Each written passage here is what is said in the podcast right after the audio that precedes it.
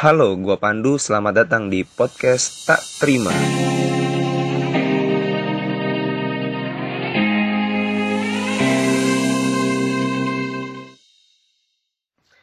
Halo semua, selamat pagi, siang, sore, malam, kapan pun, di mana pun lu mendengarkan podcast ini. Doa gua semoga selalu dalam keadaan sehat dan berbahagia.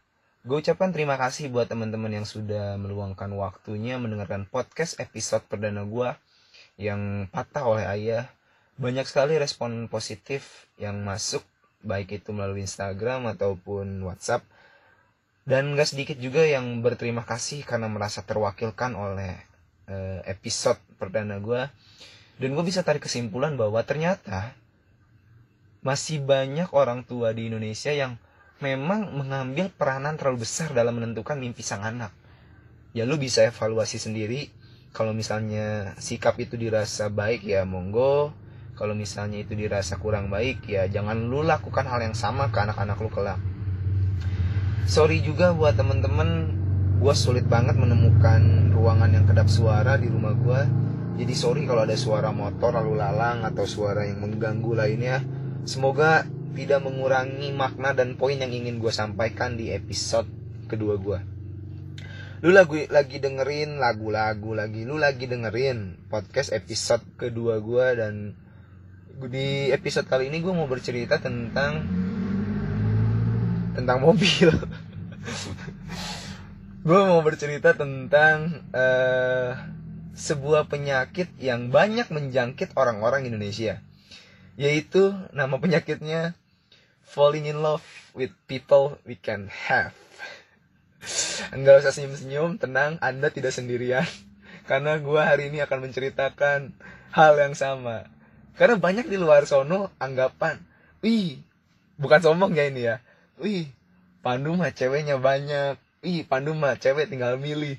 Hey, cinta tidak sesederhana itu dong. Cinta nggak kayak ngegosok ale-ale atau milih ciki panser yang ada duitnya yang mana nggak sederhana itu dong. Jadi ya gue sama lah pernah merasakan hal itu sama seperti lu. Gue mau mengawali episode perdana gue ini dengan eh, episode perdana episode kedua gue ini dengan quote seperti ini. Disimak baik-baik. Kita tidak bisa memilih kepada siapa kita jatuh cinta tapi kita bisa memilih mau memperjuangkannya atau tidak. Gue ulang kita tidak bisa memilih kepada siapa kita jatuh cinta, tapi kita bisa memilih mau memperjuangkannya atau tidak. Oke, jadi kisah ini berlangsung di periode 2017-2018, lebih tepatnya bulan Agustus pertama kali gue ketemu dan berkenalan dengan orang ini. Sebenarnya gue udah ngeliat orang ini dari 2016 ya. Di 2016 gue pernah lihat di acara ospek fakultas. Dan ya namanya pandangan pertama ada yang langsung jatuh cinta ada yang cuma Woi siapa ya? cuma gitu doang. Dan gue belum memberanikan diri. Akhirnya di 2017 gue dan dia ketemu lagi. Di momen yang sama ospek fakultas dan kita satu kepanitiaan. Dan kami satu kepanitiaan sorry. Dan kami satu kepanitiaan Gokil kan bagaimana semesta bekerja mempersatukan dua insan berbeda tingkatan, berbeda jurusan dalam satu acara. Ya, jadi gue e, jatuh cinta terhadap kakak tingkat gue, beda jurusan, tapi kita satu fakultas. Nggak perlu gue sebut jurusannya, nggak perlu gue sebut namanya, karena gue yakin orang-orang terdekat gue yang lagi mendengarkan podcast ini sudah tahu itu siapa. Oke? Okay? Jadi kisah ini berawal dari 2017 seperti yang gue bilang tadi, hmm, gue berkenalan dan gue satu jur, uh, satu kepanitiaan. Akhirnya otomatis membuat intensitas pertemuan gue dengan dia cukup sangat bahkan sangat sering kita ketemu, kita berdiskusi, kita ber apa berkoordinasi karena gue pun uh, sama dia sama-sama organisatoris bedanya gue di eksekutif dia di dia di legislatif. Tapi gak masalah karena eksekutif legislatif kita sering banget ketemu ya sering banget lah ketemu di acara-acara organisasi. Setelah berkenalan ternyata gue baru tahu bahwa dia ini sudah punya pacar. Gokil. Tapi sekali lagi gue gue bilang quotes tadi kan kita tidak bisa memilih kepada siapa kita jatuh cinta. Dan gue gak bisa milih. Dan emang gue lagi jatuh cintanya sama dia. Mau dia punya cowok mau dia nggak punya cowok mau dia ada kelas mau dia sebaya ya udah. Yang terpikirkan sejak eh, saat itu gue mau memperjuangkannya. Dan gue lakukan itu. Lagian gue bukan mau ngerusak hubungan orang juga ya. Karena yang gue tahu faktanya di lapangan hubungan dia pun sedang tidak baik-baik saja. Dalam artian si cowoknya cowok dia nih pada saat itu sedang dekat atau ada berita yang mengatakan udah jadian sama cewek lain di situ. Ya gue nggak salah dong datang sebagai cure sebagai penyembuh menawarkan pundak untuk bersandar. Udah kayak lagu Firsa Besari kan? Bila kau butuh telinga untuk mendengar Bahu untuk bersandar Raga untuk berlindung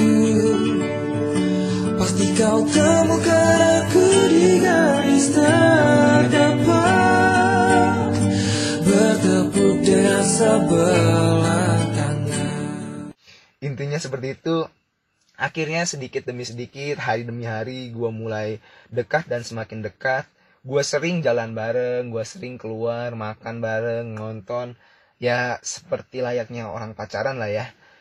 Nggak hanya sebagai dua insan biasa tapi sebagai organisatoris juga gue sering kunjungan bareng gue sering bonceng dia kunjungan kerja Eh, kita satu motor kita jalan-jalan mengitari keliling Banten untuk berkunjung ke organisasi-organisasi yang sedang melaksanakan program kerja. Itu gue lakukan menjadi juara kedua, menjadi orang kedua itu cukup lama karena eh, walaupun dia tahu bahwa si cowoknya sedang dekat bahkan mungkin sudah jadian dengan cewek baru, tapi mereka ini belum putus. Dia nih nggak mau putus dia nih terlalu sayang mungkin ya. Gue nggak bisa bilang dia bego karena gue pun sebenarnya bego kan jatuh cinta sama orang yang udah punya pacar. Ya itulah cinta gak logik gitu tuh. Kadang-kadang gak logik kadang-kadang membuat kita bodoh. Gue nggak menyalahkan dia. Jadi selama periode 2017-2018 ya gue hadir sebagai eh, juara kedua di hati dia. Kalau kalau dia lagi terluka kalau dia lagi butuh eh, telinga butuh dekapan gue pastikan gue ada di garis terdepan. Tapi ketika dia sudah sembuh ya sebagai mana burung ke- ketika dirawat dia udah sembuh dia terbang dia balik lagi. Walaupun dia tahu konsekuensinya ketika dia balik lagi dia akan tersakiti. Dan pasti baliknya dan bukan pasti baliknya dan gue nggak bisa ngebiarin kalau dia sudah tersakiti kalau dia udah nangis. Dengan segala kebodohan gue dengan segala gengsi gue gue turunkan untuk menyambut dia gue gue kesampingkan untuk gue ada di sampingnya. Nggak peduli gue mau dianggap juara kedua nggak peduli gue hanya dijadikan pelarian. Karena yang ah, terbersit pada saat itu gue sayang lu gue mau memperjuangkan lu. Itu cukup lama 2017 sampai 2018 lu bisa bayangin bagaimana eh mati-matiannya bagaimana sabarnya gua bagaimana segila itu gua untuk dia. Karena jujur gua baru pertama kali mati-matian sampai membunuh harga diri gua demi seorang wanita. Gua nih baru pertama kali jatuh cinta sebegitu gilanya terhadap seorang wanita. Ini baru kali ini. Orang-orang terdekat gue teman-teman gue mungkin tahu. Ya gue cukup kasarnya ya. Kalau gue mau mah gue bisa cari cewek lain. Tapi lagi-lagi jatuh cinta nggak sesimpel itu. Jatuh cinta nggak jatuh cinta di usia 20 tuh nggak asal tunjuk gitu tuh. Gue mau ngejalanin ya emang berdasarkan yang gue yakinin dan harapannya tuh berlan berlanjut ke jenjang yang lebih serius berlanjut ke komitmen yang lebih serius. Makanya gimana gua nggak gila gimana gua nggak sebegitunya memperjuangkan dia karena gue yakin dia itu adalah takdir gua. Ada banyak alasan kenapa gue sangat mencintai dia. Pertama dia ini merupakan sosok yang eh, keibuan ya lembut terhadap anak kecil. Gue tahu ini karena kita kebetulan eh, selain bekerja sama di ospek fakultas. Selanjutnya kita satu kelompok satu kelompok KKM di bulan Januari periode Januari Februari kalau nggak salah. KKM mandiri kita satu kelompok. Kita satu kelompok. Gua awalnya eh, sudah membuat kelompok dengan teman-teman gua teman-teman terdekat gua bahasa Inggris gua udah buat satu kelompok. Dan gua baru tahu ternyata dia si cewek ini belum melaksanakan KKM otomatis daripada dia nunggu KKM yang diadakan di oleh universitas lebih baik dia ambil KKM mandiri supaya nggak molor lulusnya. Dan dia sebenarnya udah masuk satu kelompok dengan si cowoknya. Tapi di kelompok itu ada juga cewek yang lagi deket atau mungkin tadi udah jadian sama si cowoknya.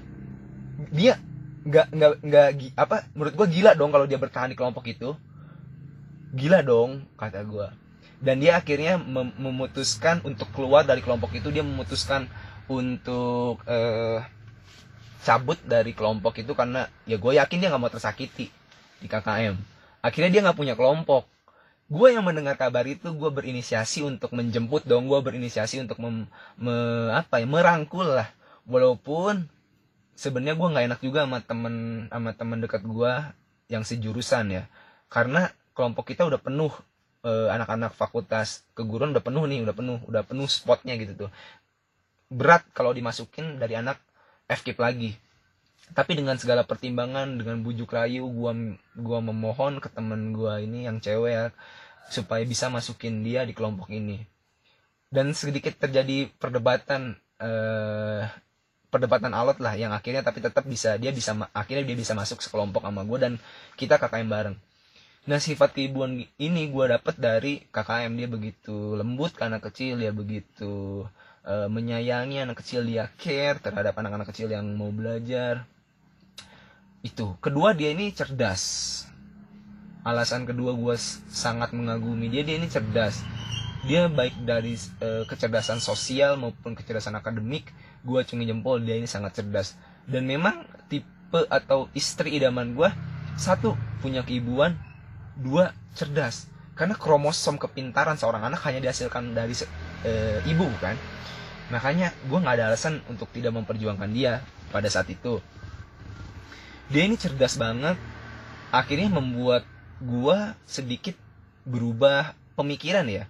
Gue ngerasa ketika dekat dengan dia pemikiran gue lebih dewasa pemikiran gue lebih eh, terbuka open minded gue lebih peka terhadap isu-isu eh, pergerakan isu-isu nasional.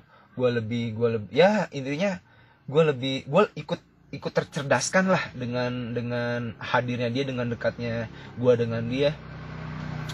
Akhirnya kita KKM bareng kita deket bareng gue yang jagain dia siang malam gue yang antar jemput dia kalau dia lagi kebagian piket pergi ke pasar.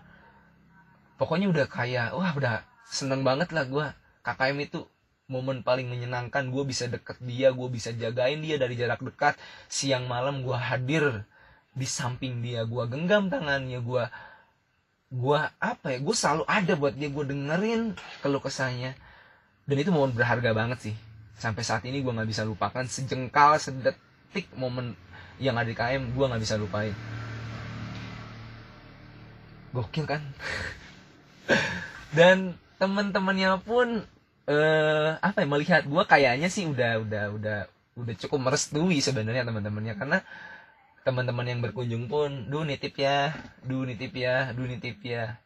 Padahal tanpa dia bilang nitip pun ya gue pasti jagain dia lah karena gue sayang juga kan. Itu sih. Eh akhirnya Februari selesai KKM selesai Februari Februari selesai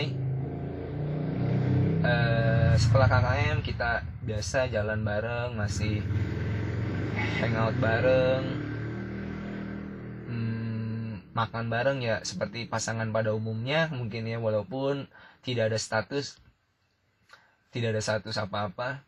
Dan gue pernah cerita dia pernah cerita bahwa dia punya salah satu wish di ulang tahunnya. Banyak sih list wishnya cuman yang gue eh, tangkap beberapa ya karena karena yang ini merupakan eh, ini salah satu yang menurut gue bisa diwujudkan dalam waktu dekat. Dia punya wish seperti ini. Dia pengen banget bisa main ke panti asuhan dan berbagi dengan panti asuhan. Berbagi es krim. Gue denger gue denger cerita dari dia. Dan pada momen dia ulang tahun bulan Maret di bulan Maret pertengahan Maret ulang tahun gue nggak perlu sebut tanggalnya gue berusaha mewujudkan itu. Karena bulan Maret bulan Maret itu kalau nggak salah lagi booming boomingnya film Dilan gue pengen dong jadi cowok romantis pada saat itu. Oke ya. Yang uniknya gue pernah ngadoin di momen itu gue selain ngadoin mengabulkan wish dia gue bikin kado yang unik menurut gue ya. Yang kayak Dilan Dilan banget lah. Kalau Dilan kan ngadoin Milea ini ya teka-teki silang yang udah diisi biar kamu nggak capek gitu. Gue bikin piagam penghargaan yang biasanya itu ditujukan buat pemateri pemateri LK pemateri pemateri e, seminar gitu piagam penghargaan. Redaksi piagam penghargaan itu ya ucapan selamat ulang tahun nomor suratnya tanggal lahir dia eh apalagi sih perihalnya ulang tahun dia redaksinya. Piagam apa ya piagam ulang tahun piagam apa gitu diberikan kepada namanya yang sedang berulang tahun hari ini. Dan tan ada tanda tangan di bawah dong namanya namanya piagam pasti ada tanda tangan orang-orang penting di bawah. Dan gua di piagam itu mencantumkan nama dekan nama wakil dekan tiga dan nama gua sebagai ketua pelaksana. Sayangnya eh, dengan Pak Dekan sampai hari H gue belum ketemu dengan Pak Dekan buat minta tanda tangannya. Tapi dengan Pak WD 3 Pak WD 3 FK waktu itu Pak Dodi gue ketemu dan gue minta tanda tangannya. Dan gue Bruce menahan malu juga ya karena eh apa ya cukup cukup gila juga sih minta tanda tangan orang penting demi sebuah piagam penghargaan ulang tahun. Gila lu. Gue gue mengorbankan itu semua lah yang penting yang penting unik lah. Gitu. akhirnya yang ada di tanda tangan itu ya cuma Pak WD 3 dan tanda tangan gue sebagai ketua pelaksana. Gue kemas piagam itu serapi seunik sedemikian rupa lah pokoknya mah gue rencananya ngasih ini nanti malam nanti malam aja. Tanggal Maret itu gue nanti malam aja selepas gue dengan dia pulang dari panti asuhan.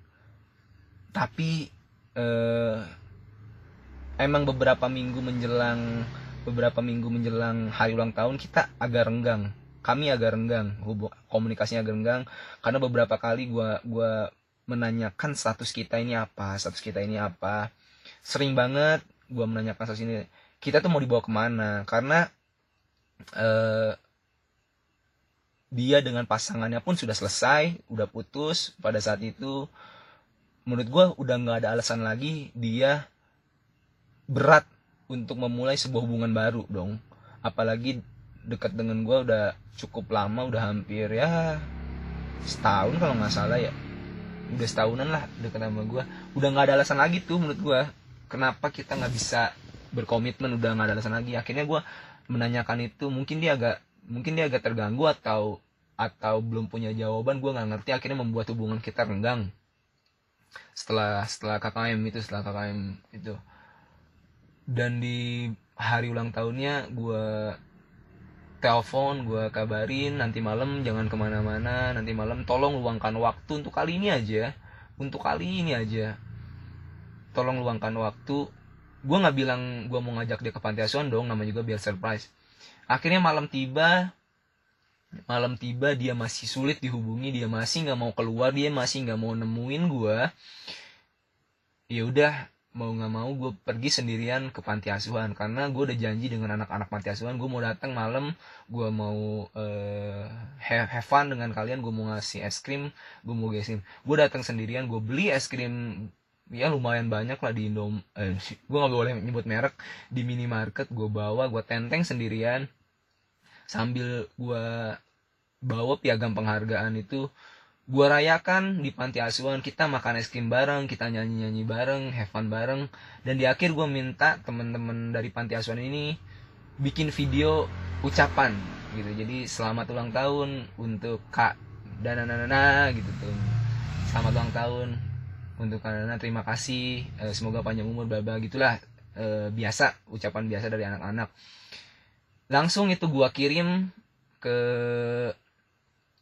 WhatsAppnya gue kirim WhatsAppnya gue bilang gue mau ketemu walaupun cuma lima menit. Gue mau ketemu walaupun cuma gue lima menit. Akhirnya gue samperin ke kosannya gue samperin ke kosannya. Dan malam itu gue kasih video ucapan dari eh, anak-anak panti asuhan. Gue kasih piagam penghargaan yang udah gue desain. Dan pada malam itu juga gue menyatakan gue selesai gue pergi gue udah nggak mau gue nggak mau tersakiti lagi gitu tuh. Buat apa gue berjuang semati-matian? Mati-matian gini gue berjuang segila ini. Kalau sampai detik ini aja udah gak bisa dihargai udah nggak bisa di apa ya udah nggak bisa terima lah gitu tuh. Karena alasan apa lagi kita kenapa nggak bisa masih nggak bisa bersama gitu tuh. Gue nggak ngerti dengan jalan eh, pikiran dia gue nggak ngerti lagi maunya dia seperti apa. Akhirnya pada malam itu ya gue kasih videonya gue ucapin selamat ulang tahun dan gue bilang gue mau pergi. Dia sempat eh, nanyain sih kenapa nggak bilang bahwa mau ngajak ke panti asuhan? Ya nama juga surprise dong tapi gue nggak ambil pusing gue langsung cabut gue menyatakan pergi gue cabut dan gue hmm, kapan ya? Gue gue gue pernah blok WhatsAppnya langsung sih. Lu boleh bilang gue childish gue pergi dengan blok WhatsAppnya lu boleh bilang eh, bilang childish kan? Tapi gue pernah baca quote dan gue sepakat. Cinta yang luar biasa kadang perlu diselesaikan dengan cara kekanak-kanakan dan gue setuju. Gue nggak masalah dibilang kekanak-kanakan. Yang penting tolong kasih waktu gue buat mencoba pergi ya.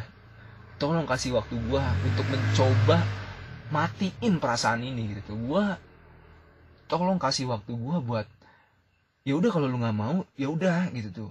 Gue udah udah sesakit ini gitu tuh.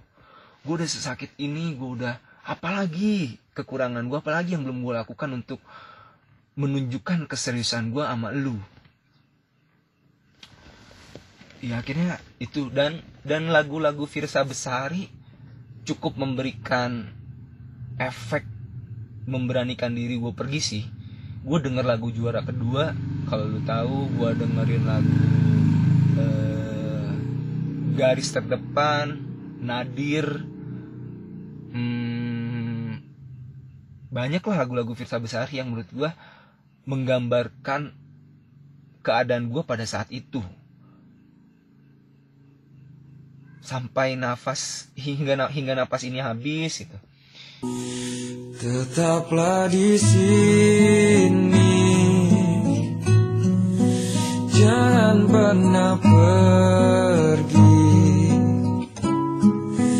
Meski hidup berat Kau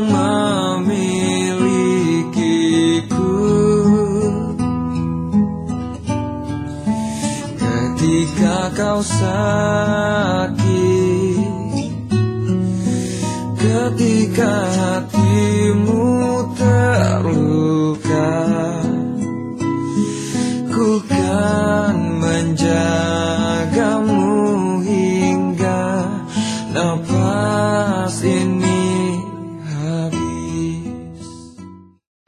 Itu menggambarkan banget kondisi gue hari eh, pada saat itu dan lagu juara kedua itu menjadi momentum gue memberikan diri pergi karena eh, eh, liriknya tuh nanti gue setel liriknya tuh gitu liriknya tuh.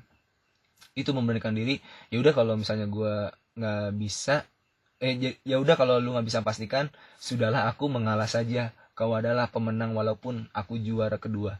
Gue cabut dari situ udah gue gua putus komunikasi dengan dia di bulan April itu gue udah gak ada komunikasi sama sekali dengan dia. Dan satu minggu kemudian satu minggu kemudian di bulan April apa di setelah gue menyatakan pergi di bulan Maret ya gue dengar kabar bahwa dia sudah jadian lagi dengan anak teknik. Dia udah udah punya pacar lagi. Yang gue tahu dia yang gue tahu dari teman-temannya dia baru deket satu minggu satu minggu gue ulang dia baru deket. Satu minggu dan dia bisa membuat komitmen dalam waktu pendekatan satu minggu. Apa kabar gua yang satu tahun lamanya memperjuangkan dia satu tahun lamanya berkorban? Gue bukan hitung hitungan tapi nggak masuk akal aja ya nggak sih? Terlepas apa pun itu alasannya ya tetap gua hargain lah gua hargain. Karena lagi-lagi cinta itu kadang nggak logik orang yang berjuang satu tahun kalah dengan satu minggu ya inilah cinta. Nggak logik gitu tuh. Cinta itu bukan bukan bukan masalah akal atau nalar tapi lebih kita mendengarkan hati. Walaupun ada konsekuensinya ada hati yang tersakiti pastinya. Shit gue hancur sehancur hancurnya gue gue ah wah udah hancur lah gue gue hancur gue gua kehilangan gue kehilangan arah gue kehilangan pegangan. Itu yang membuat gue memutuskan berkelana. Gue naik gunung. Pelarian gue gue naik gunung. Gue gue stres. Gue naik gunung. Berapa gunung yang gue daki hari itu? Gue stres. Dan kesakitan itu gue tuangkan juga di penulisan. Yang yang follow Instagram gue sejak lama yang berteman WhatsApp sejak lama pasti tahu pasti pernah ngeh ada momen di mana Pandu ini puitis banget. Pandu ini penyair banget. Quotes quotes di Instagramnya WhatsApp maupun Line itu mendalam banget.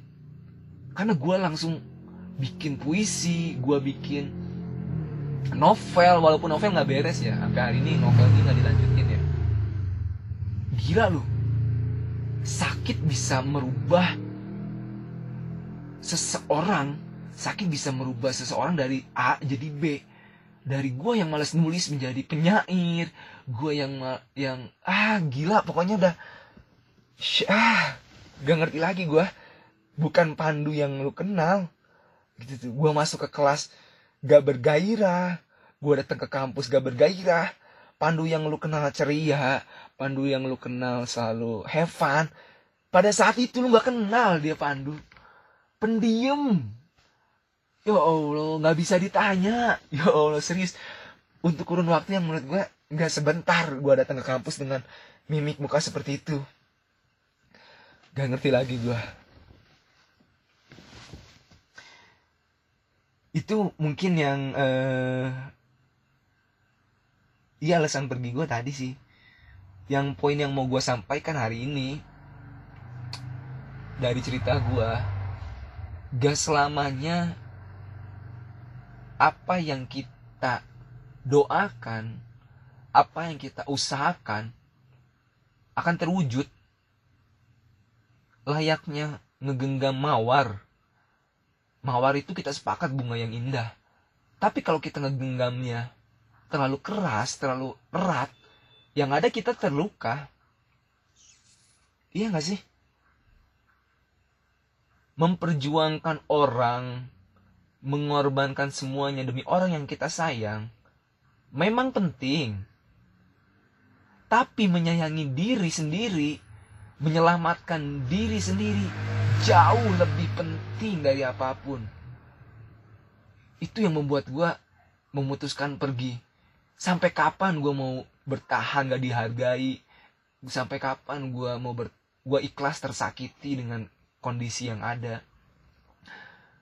Karena kalau dia cinta kalau dia cinta yang namanya cinta itu pasti saling pasti respon minimal.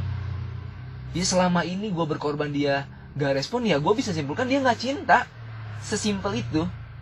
Karena cinta itu perihal cinta itu bukan perihal yang paling tapi cinta itu perihal yang saling. Kalau lu tidak ada eh, saling berarti salah satunya tidak cinta. Dan memaksakan cinta yang tidak saling iya itu sebuah kesalahan fatal juga. Sebuah kesalahan fatal juga itu se- sebuah apa ya sebuah petaka juga ujung-ujungnya. Kalau lu menjalani suka tidak sama suka eh, berkorban tidak sama berkorban ya itu petaka juga. Apa lu mau menjalani cinta berdasarkan kasihan? Gue sih nggak mau gue mau pasangan gue mencintai gue ya karena cinta bukan karena kasihan. Pasangan gue nerima gue ya karena cinta bukan karena kasihan. Begitupun gue sebaliknya. Sampai saat ini gue kalau ketemu dia jujur masih ada sesek yang gue nggak bisa ungkapkan. Masih ada kenapa ya? Gue gue dari dulu berusaha melupakan gue gue semenjak dari dia gue pacaran sekali dengan orang lain. Tapi tetap rasa sesek itu rasa sakit itu masih berbekas gue gue nggak bisa jelasin sih.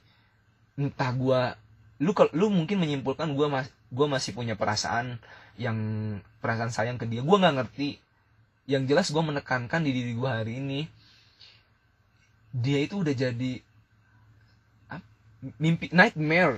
Udah jadi mimpi buruk buat gue karena setiap gue ketemu dia gue sakit. Masih ada sesak apalagi dia sekarang udah punya pacar baru lagi bukan anak teknik yang tadi gue ceritain dia udah punya pacar baru lagi. Gue sakit ngeliat dia loh. Gue masih sakit walaupun mungkin gue ketemu dia say hi. Hanya sekedar say hi ya di situ gue cabut. Tapi sekedar say hi itu ih semalaman kepikiran. Ya allah masih sesek banget sakit.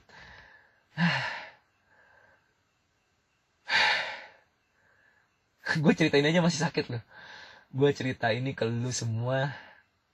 Ada denyut sesak dalam gue menceritakan dia. Ya itu sih poin yang gue mau sampaikan eh, di episode ini. Teman-teman cinta itu perihal saling bukan perihal paling. Jadi kalau lu berjuang sudah lama tapi tidak kunjung mendapatkan respon ada yang salah dari lu.